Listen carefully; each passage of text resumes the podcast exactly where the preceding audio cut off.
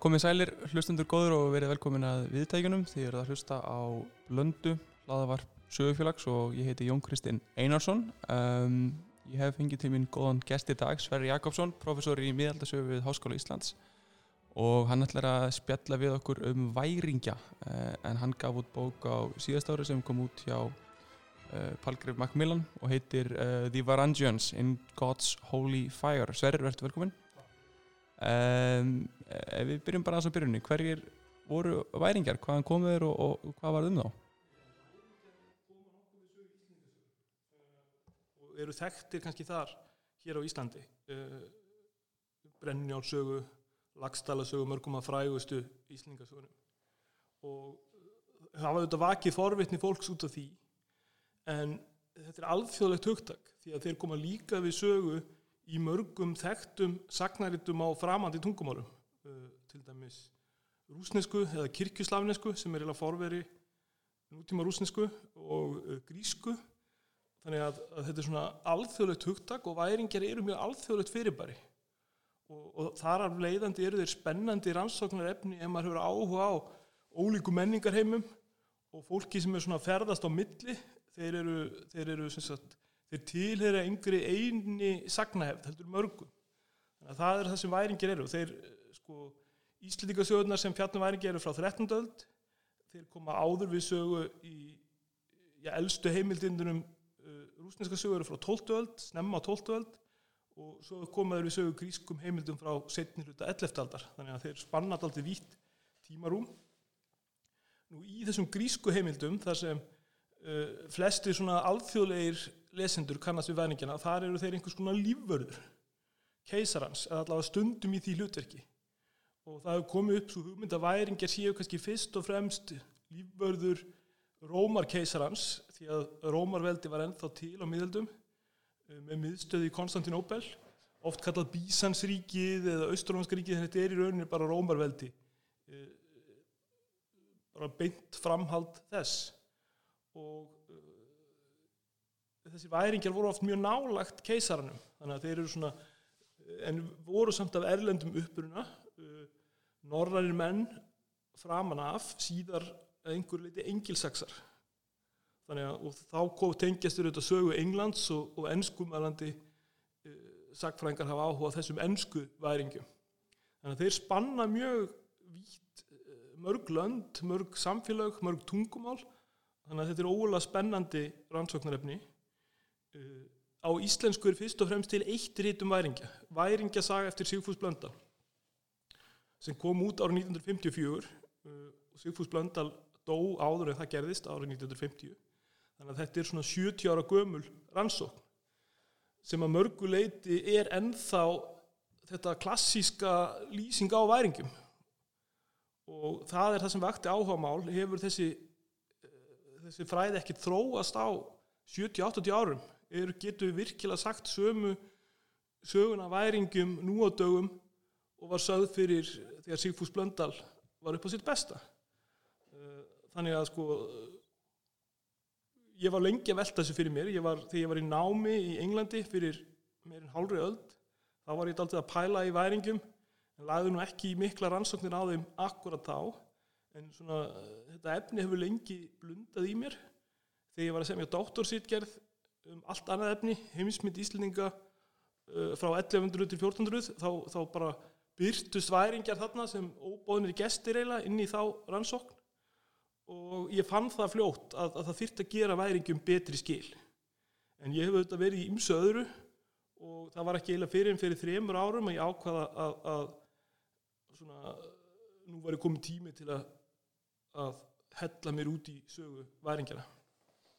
Einmitt það er eiginlega kannski einn fórsendan er svo að ég var nýbúin að semja bók sitt Kristur saga hugmyndar sem var eiginlega meira minna samin upp úr grískum frumumildum og það var svona alltaf náttúrulegt framhald að bara halda áfram að lesa grískar frumumildir en í þetta sinn um væringja. Þannig að sko sumuleiti má segja að þetta hafi passað inn í mín rannsóknar áhugamál akkurat þá stundina Einmitt. En ef við stæðstum okkur aðeins hérna, í, í tíma og, og rúmi, væringjarnir þeir koma til sögunar og svo svolítið hverfa er, ekki satt? Hvaða tímabil er, er undir? Já, það er mjög merkilegt og, og sko uh, saga væring er öllu flokknar en kannski menn átt að sjá. Uh, þeir tengjast annari þjóð sem heitur Rús og maður myndi ekki segja að væri bara rússar eða fyrir hennar rússa en það er ekki svo einfalt. Því að upphaflega virðast þessi rús hafa verið norrannir menn. Og þessi rús byrtast mjög skyndilega um miðjan nýjöndaald í ymsum heimildum. Í latnesku riti einu af annálunum sem var ritaður við hyrð uh, Karlunga í, í Frankaríki. Og þar byrtist hópur manna sem var sendur frá keisarunum í Konstantinópel og kallaði sig Rús. Og, og frakkarnir komast að því að þetta séu svíjar og þetta er eiginlega uppháspunkturinn á svipiðum tíma er Persi sem skrifaði arabísku að lýsa ymsum þjóðum Kalifaríkisins og hann nefnir þessa rús líka sem kaupmenn.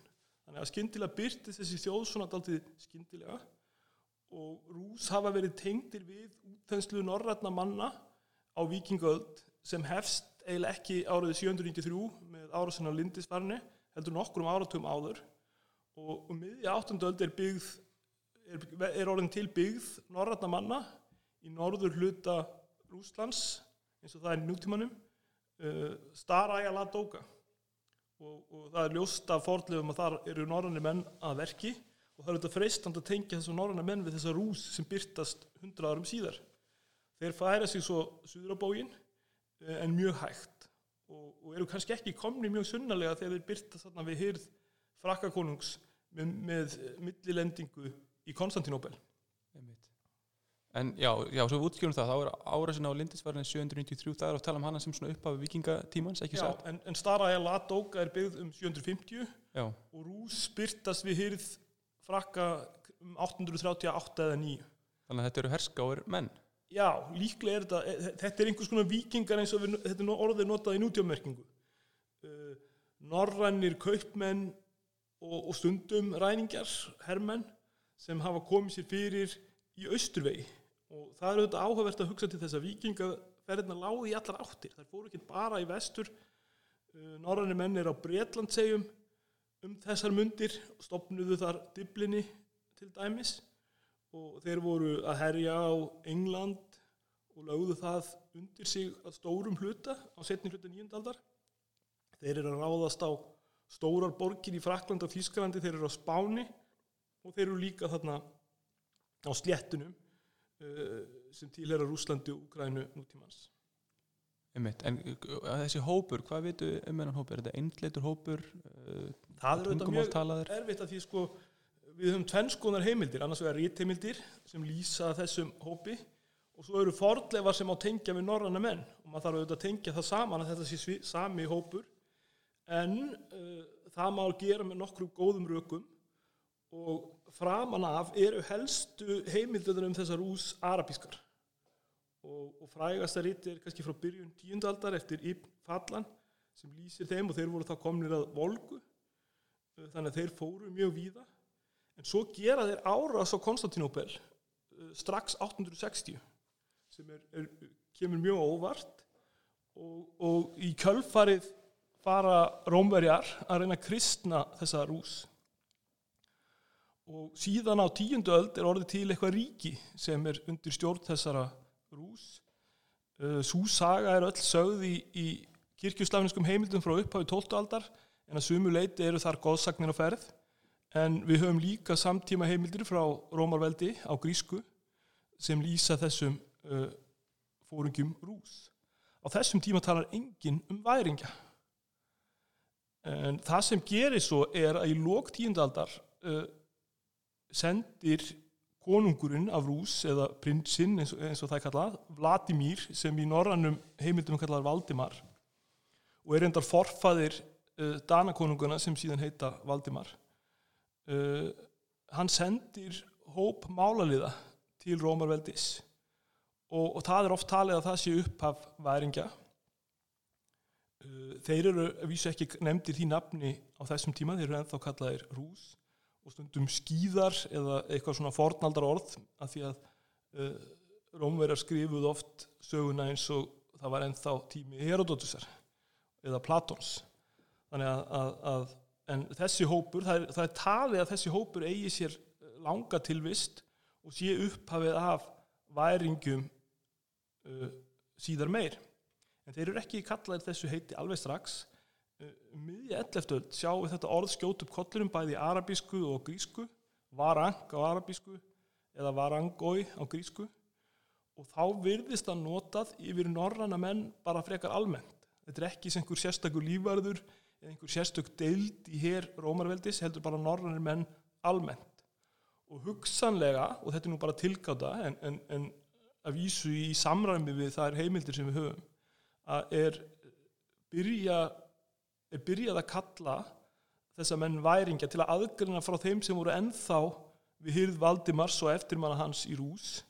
Og, og þannig verður til sem að tveir hópar eða norrannar manna í Östurvegi, annars vegar Rús sem voru ennþá uh, í ríkinu sem þar eru til sem voru nokkuð mörg og oft svona borgríki, kænugarði sem heitir Kiev á setnöldum, Holmgarði sem núna heitir Novgorod.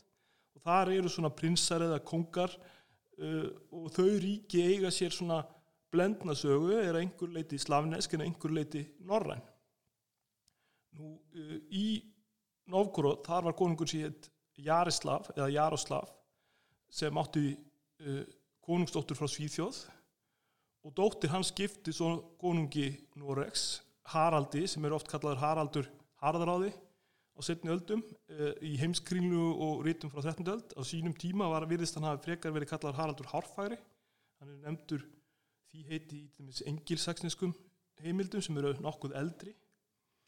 En Haraldur er alltaf merkilegur því að hann er konungur Noregs eins og við þekkjum úr heimskringlu og hann er nefndur í mjög mörgum heimildum. Hann er nefndur í rítum á latínu uh, á grísku og hann kemur mjög víða við sögu og í grískuríti frá lokum 11. aldar eða frá 8. ára til 11. aldar þá er sagt að þessi Haraldur hafi verið konungur væringjalands eða varangju og hafi bróðir Ólafs sem var líka konungur undanunum og það er þá eins og, og væringjaland sé bara eitthvað norrænt konungsríki en, en augljóslega voru samt fleiri norrænir menn kallaðir væringjar en bara þeir sem komu frá Nóri en, en svona er sjónarhortnið frá Konstantinopel að væringjar bú einhver staðar í norðri og þeir hafa sín eigin konung.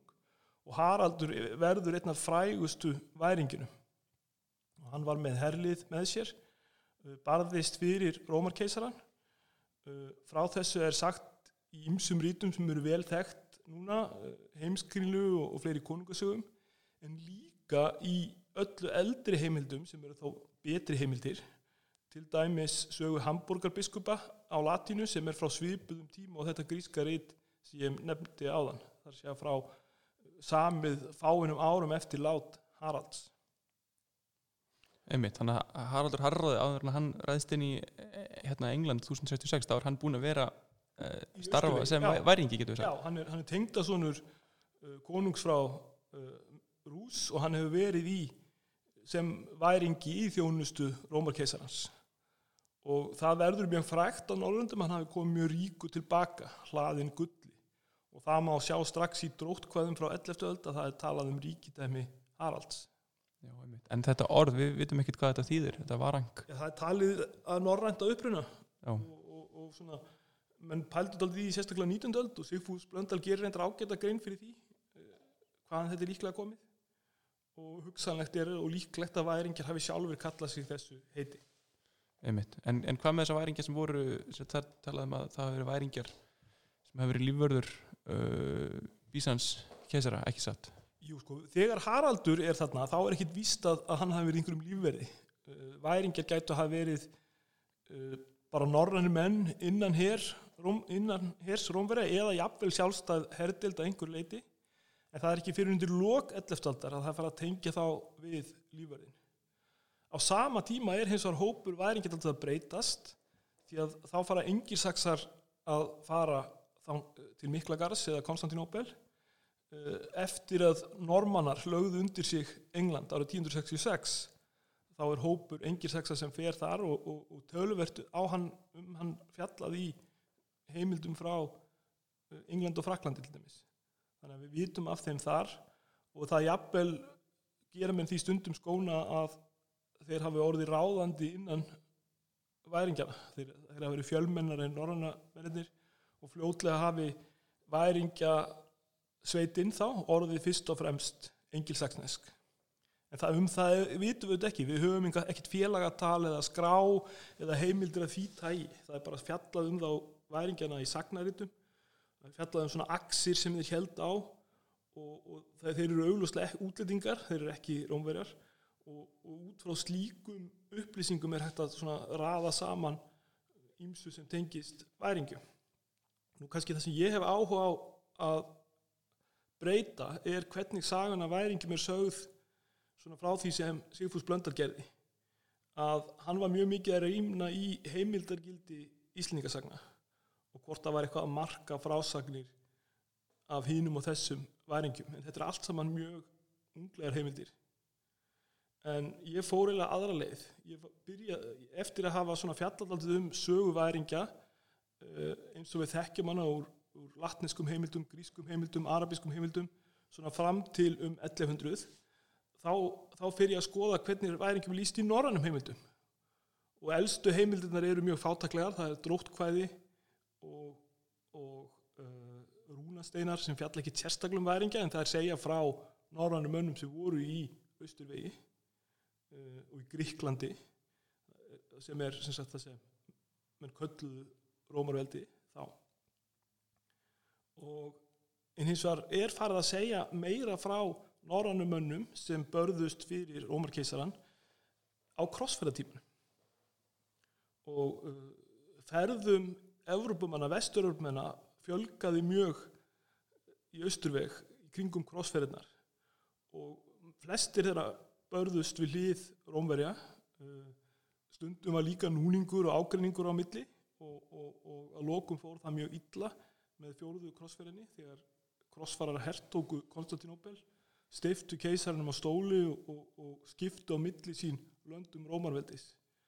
Og eftir það er mjög mikill klopningur á milli ja, gríkja sem fóru æ meira að líta á sem, sem slíka eða Helena sem svona uh, og Rómverið auðvitað áfram og, og tröst og trúnaður var eiginlega úr sögunni eftir þennan tíma og þeim er þá ítla við hérna svo kvöldu latinumenn sem höfðu staðið að bak við fjóruðu krossferðina En þetta var nú allt saman í framtíðinni þarna í upphæfu krossfælana. Eh, margir krossfærarnir börðust bara í þáu keisarans og, og voru vinnveittir honum og þar á meðal eru norrannir konungar sem fóru austurabógin. Eiríkur Danakonungur og Sigurdur Norðskonungur, þeir fóru báðir í upphafi 12. aldar og í ýmsum heimildum er fjallað um samskipti þeirra við keisaran og er heimildur um misjafnar allt frá drótkvæðum sem voru samtar af íslenskum uh, skáldum í, í, sem voru yrkjum Danakonung og svo að konungasögum sem eru samtar all nokkru síðar.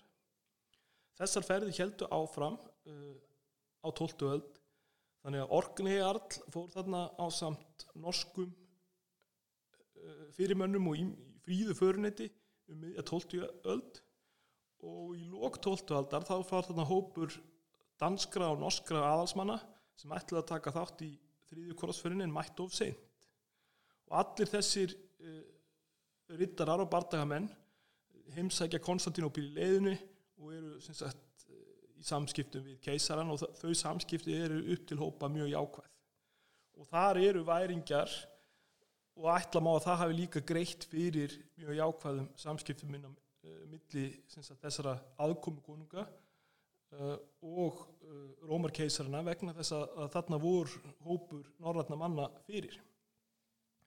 Það eru líka frásagnir um einstaka fólk, sem fór um austrabógin á 12. öld. Sérstaklega fólk af norsku konungsfjörskildinni. Erlingur Skakki Jarl, fadir Magnús konungs, hann var, tók þátt í krossferð Orknei Jarls um miðja 12. öld, síðar giftist hann konungsýtt Kristín Eh, sem hafa dóttir Sigurðar sem hafi farið til eh, í krossferð hálfri öld fyrr Kristín tók sér svo til og flutti bara sjálf til Konstantinopel og bjóð þar með einhverjum allt öðru manni en Erlingi um langt skeið og virðist hafa verið bara gestur keisarans þar. Síðan er það maður heit Eiríkur og bróðir Sverris konungs sem feldi Magnús Ellingsson og stiftunum á stóli. Uh, bróðir hans kom svo til Norris og hafi verið í þjónustu Rómarkeisarans og við höfum meiri síðan Íslanding sem kom til Íslands og kallar Sigurður Gríkkur og hafi verið þarna. Og hann kom með mjög frækt sverð með sér sem var kallað Brynjubítur og, og íslenskir höfðingjar sótust eftir að eiga þetta sverð. Höfðingjarsonur að nafni Sturlu Sikvardsson hann komst að því að sverðið var geimt á einhverjum bóndabæ í eigafyrði og tók það af bóndanum þar. Og síðast fréttist að sverðin í eigu Gissurar Jarls Þorvaldssonar eftir að hann hafi felt Sturlu í Öllustaðabarda og alltaf er þetta sverð mjög mikilvægt. Nú þetta er samhengið sem er þekkt þegar Íslingasögnar eru samtar þannig að það eru ymsar sögur af mönnum í Austurvegi sem eru yfirleitt ekki kallaðir væringjar. Það er yfirleitt lítið nota þetta hugtak. En það skýtur til dæmis kollinum, upp kollinum í Morkinskinu sem er konungasaga sem er samin svona snemm á 13. öld og segir frá Haraldi, Haraldáða og hans ferðum. Og þar er sagt að þar hafi verið hópur norðarna manna sem hétt væringjar og, og horfið eða kynnt þar svona eins og eitthvað nýtt. Og þar er meðan hans Ísletingur Már Hundraðarsson fadir Hafliða Másonar sem lit skrifa laugin uh, árið 1118 Fyrst, og er, er fyrstur til þess uh, að láta festa lög á bókfell. Uh, fadir hans var sem sagt í Konstantinóbel í þjó, þjónustu Rómarkeisara og var kallaður væringi sangkvæmt þessari heimild morkinskinu og í henni er líka sagt að, að Haraldi konungi hafi verið varpað í dýblissu í Konstantinóbel með tveimur hirmanum og fyrir einhverja tilviljun, eru þeir báður íslendingar og þetta er svona kannski dæmi gert fyrir þetta rít morginskinu að íslendingar eru alltaf mjög nálægir þar og taka þátt í öllum helstu verkum Norðuskonunga Nú, Íslendingarnir héttu Haldur Snorrason, sonur Snorra Góða, sem er, kemur mjög við sögu Íslendingasagna og Haldur var líka forfaðir Sturlunga. Þetta er allt samhengi sem áherindur og lesendur morginskinu hafa þekkt í upphafi 13.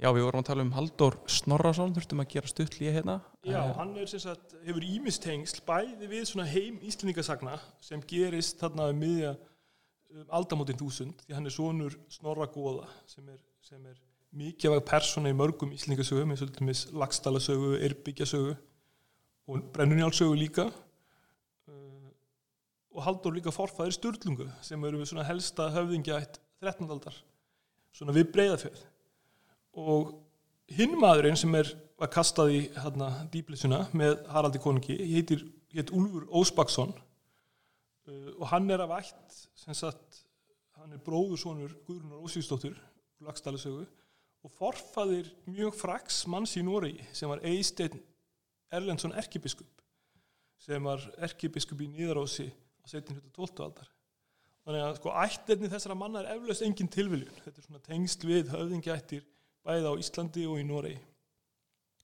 þetta er auðvitað saga sem er sko kannski ekki mikið markáttakandi en þar með hefst eða umfjöldun íslendingasagna um væringja og hún á mörguleiti rætur að rekja til uh, þessara frásagnar.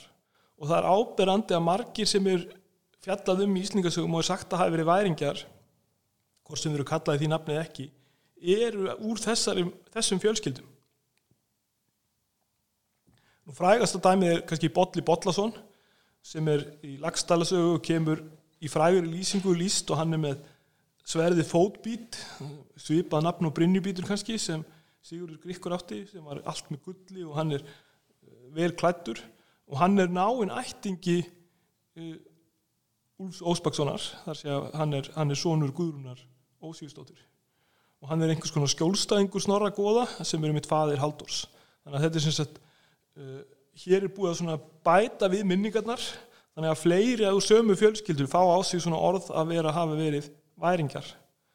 Enn eitt maður á þessari fjölskyldu var Barði Guðmundarsson sem er kannski aðal personin í heiðarvíkasugu það er líka sagt að hann hafi verið væringi en ólíkt botla botla sinni þá snýr hann ekki aftur. Hann, hann, hann fjell uh, í útlundu þannig að, að þarna verða til á stuttum tíma kannski ákveðin sko, má kalla bókmyndaminni eða svona ákveðinar ákveðin menningalegt minni myndi ég segja. Uh, svona ákveðin sagnahefð sem tengist fólki sem var í þessum væringja hópi, væringja sveit svona í kringum aldamótin þúsund. Þar sé eftir að, að uh, fyrstu væringarnir byrtast og svona áður en Haraldur konungur kemur til uh, Konstantinóbel og uh, í þetta eru ímsar sveitir ímsum sveitum uh, uh, Bolli Bollason og Haldur Snorason og Úlfur, þetta er allt mennur breyðafyrðinum uh, í Húnaþingi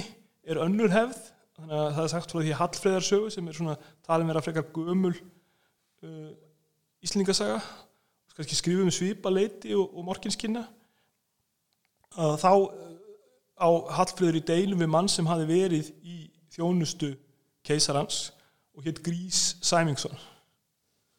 Og, og Grís átlumins vopn sem keisarinn hafi gefið honum og er svona mjög göfur maður sem innur sig kannski ekki testa til afrega en það þarf hann þess ekki, hann er búin að sanna sig sem, sem væringi. Og uh, fleiri dæmi um að nefna í kannski yngri íslendingasögum eins og Rappgilsögu þar er svona dvöl í Miklagarði eins og Konstantinopel er alltaf kölluð í íslendingasögum orðin bara svona sagna minni það koma tveir við sögu í Rappgilsögu sem höfðu verið í þjónustu keisarhans í Miklagarði og hvoru verið nefndur neitt annari heimild það gætu alveg verið tilbúnar personur og nú ætlum ég ekki að hætta mér í þá umræðu hversu til, mikið tilbúningur Rappgilsaga er og, og hversu mikið hlutinnar er munmæli en allavega þessir, þessir væringar sem þar koma við sögu, þeir eru ekki þekktur úr öðrum heimildum. Og svo eru þetta einna, fræ, einna allra frægastu væringinum er, er hérna bróðir Gunnarsár Hlýðarenda, Kolskeggur, sem er eiginlega kallaður til Miklagars, hann fær viturinn í draumi, hvítklættur uh, maður byrtist honum og hann fer þangað og, og verður höfðingi í væringjaliði. Og eins og barði Guðmundarsson þá, þá stýr hann ekki aftur, hann deyr þar. Já, þannig að hlutverk væringjans í Íslandingasögunum, hvert, hvert myndur þú segja Já, það væri? Hvað, hvaða tilgangi gegnir það að hafa átta personu verið væringja? Ég myndi segja annars vegar að búa munum til uh, glæsta fortíð sem þarf þó ekki að lýsa mjög náið. Uh, eins og Bolli Bollason og Grís Sæmingsson, þeir eru eiginlega búin að sanna sig með því að vera í hluti af þessari væringjasveit og þurfa það kannski ekki að gera það neitt frekar. Og, það er auðvitað virðing sem fylgir þessu og hinbóin er líka tölvertu það að personur sem, sem eru úr sögunni fá þarna alltaf góð endalók með að berjast fyrir Kristinn keisara í Austurvegi. Og, og Barði Guðmundarsson og, og Kolskeggur eru kannski dæmi um svoleiðis væringja. En almennt má segja væringja minni, þetta eru svona nokkur fá þemu sem komaðu við sögu. Uh, eitt af er að menn er í á tímabilið þar sem Íslandingar voru einhver leiti heðnir, þá voru þessi menn að berjast fyrir Kristinn uh, keisara og uh, þeir eru eiginlega forverar svona musterisrittara eða einhverja kristina rittara allavega myndi ég segja að Lýsing Kolskegg sín jálu er mjög í þeim anda. Hann verður Guðs rittari í Miklagarði. Svo er Þorstein Drómundur í Grettisögu. Hvernig rýmur hann við þetta allt saman? Grettisaga er eina frægasta væringaminnið og ég, ég í bókinni minni einmitt, þá lýs ég þessu sem svona ákveðinu hápunkti í þróun væringaminnins því þarna eru öll stefin í einni frásögn uh, í morginskynnitum er sagt frá því að, að ekka bjargaði uh, Haraldi konungi úr dýblisinni það sama gerist í, í Grettisögu með svona ákveðnum tilbröðum uh, í morginskinu gerist það vegna að konan hann fekk vitrun frá Ólafi Helga, bróður Haralds. En í Grettisögu gerist það vegna að hún heyrir hann syngja í dýblisunni og mjög fallega. Og svo saga verður kannski romantískari þau eiga í svona fara eiga í ástarsambandi sína milli eftir að Þorstein sleppur út og, grýpa til ímisra bræða til að leika á menn til að komast upp með þetta. Og aðal ráðgjafið þeirra er einmitt Haraldur konungur sem er svona einhvers konar bragðarefur eða trickster í þessari sögu sem er svona alltaf hans hlutverk í konungasögunum. Hann er svona konungur sem Íslingar dáðist mjög að en var svona ekki öllu leiti svona góð siðferðisleg fyrirmynd. Síðan faraðu til Rómar og, og búa þar í hellum og deyja þar sem kristnir innsettumenn þannig að hér eru alls konar væringja minni sem samanast þarna í einni frásögn. Það sem er áhugavert eila við þetta er að væringar er ekki hluti af sjálfsmyndsneins nema sem, sem svona auka hlutverk. Af því að væringar eru norranni menn en svona þeirra sögu líkur á miðöldum. Það er ekkert framhald af þeim. Það eru auðvitað til afkomendur væringja í Rómarveldi og Gríklandi eftir það sem heita væringjanöfnum og kannski nöfnum eins og Varangopoulos eða eitthvað svo leiðis en, en sem þjóð hverfa væringjar eða sem hópur. Þannig að þegar verður að fjalla um væringja síðar þá er það í tengslu við eitthvað annað. Aðra annars konar sjálfsmynd.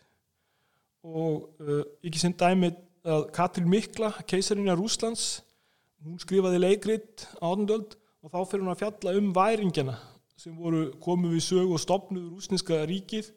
Og þetta er svona göfur útlýtingar sem stjórna ríkinu. En hún var sjálf þýsk prinsessa hétt Sofía uppaflega þannig að þetta er, þeir eru auðlu og sliðstaða við hana sjálfa. Og þannig kemst eða komast væringjandi inn í rúsneska nútjámenningu, Púskin orti ljóðum þá. Og, það, og það, er, það er fyrst og fremst byggt á þessum kirkjuslæfnisku heimildum frá 12. öld. Walter Scott samti sögu um væringjana og þar er væringin engilsaksi og er svona göfur maður ólíkt um spiltu gríkjum sem eru þarna í austurvegi. Þannig að þá verður, og hjá Walter Scott eru engilsaksanir yfirleitt góðir svona andstæða normannana og, og engilsaksin sem er væringi hann er þá fullur hérna ennsku gilda kannski e, og samt ekki svona e, ennsk frönsku gilduna sem komum 1966 heldur eins og þau voru áður og það er svona kjarnin í hans þjóðurnis pólitík nú á, Íslandi þar höfðu skáldin mikinn áhuga á væringum. Grímur Tomsen yrkir um Haldur Snorarsson til dæmis og leggur áherslu á það að hann hafi ekki verið svona tilfinning að vera heldur svona yfirvegaður og kaldur alltaf eins og Grímur sjálfur. Og svo eru þetta Einar Benediktsson sem býr til þetta klassíska ljóðum væringjana. Og, og Einar Benediktsson er náttúrulega þessi frægi framfara sinni og horfir til nútímans og fyrir honum eru væringir einhvers konar stríðsmenn andans.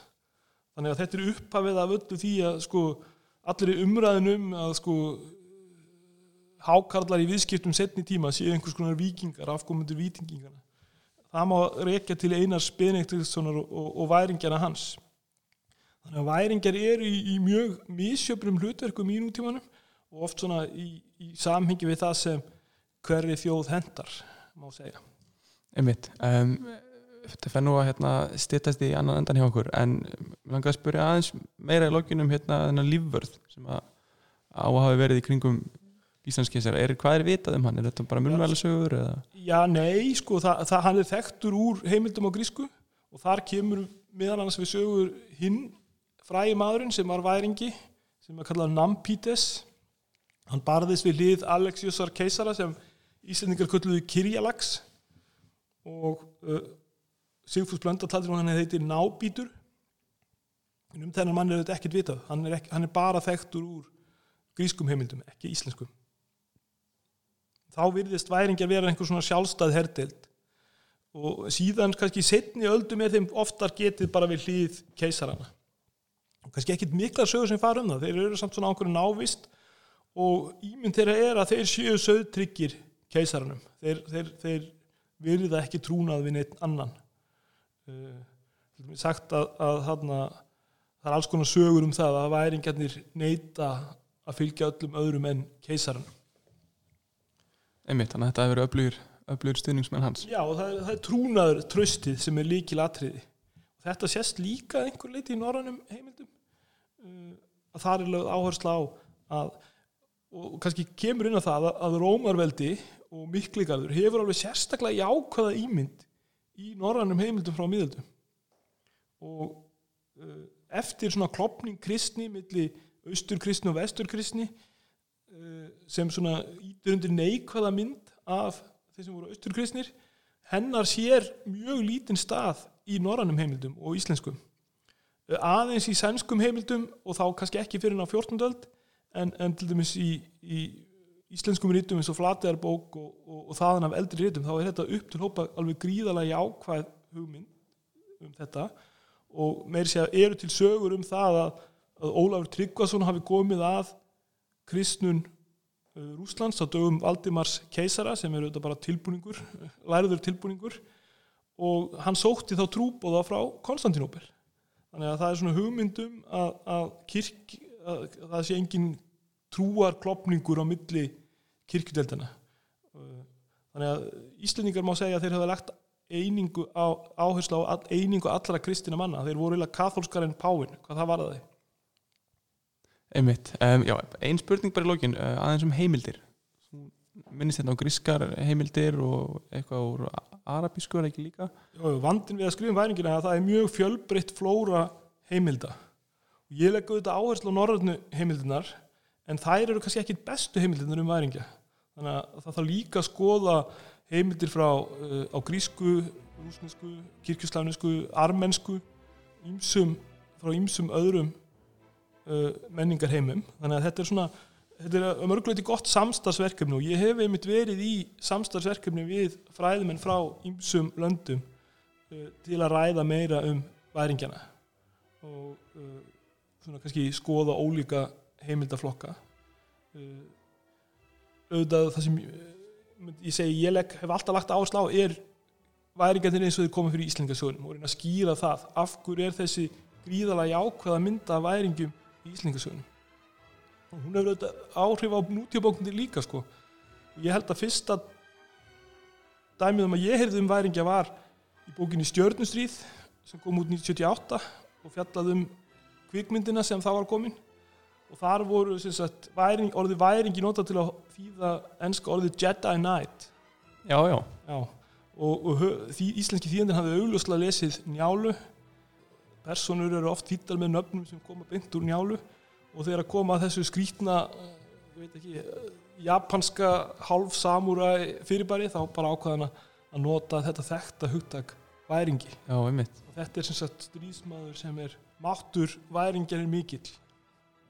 Einmitt, ég held að við, hérna, máttur væringjaði mikill, ég held að við rættum það að vera lokaðurinn dag. Sverrir Jakobsson, professor í miðaldasögu Takk fyrir komina Takk sem við leiðis og við bara hvetjum allir til að kíkja á bókina, hún er fáanlega ekki í bóksölu stúdenda Hún er í bóksölu stúdenda, já og, og svona, ég veit ekki hversu víða hún er fáanlega, hún er, hún er til í heimkaup heimkaupum okay. og, og svona hér og þar. Og raf bókanettinu og svona þannig Já, já, já, það er hægt að fá hana frá Amazon og öllum útlendum bóka, bóksölu Akkurat.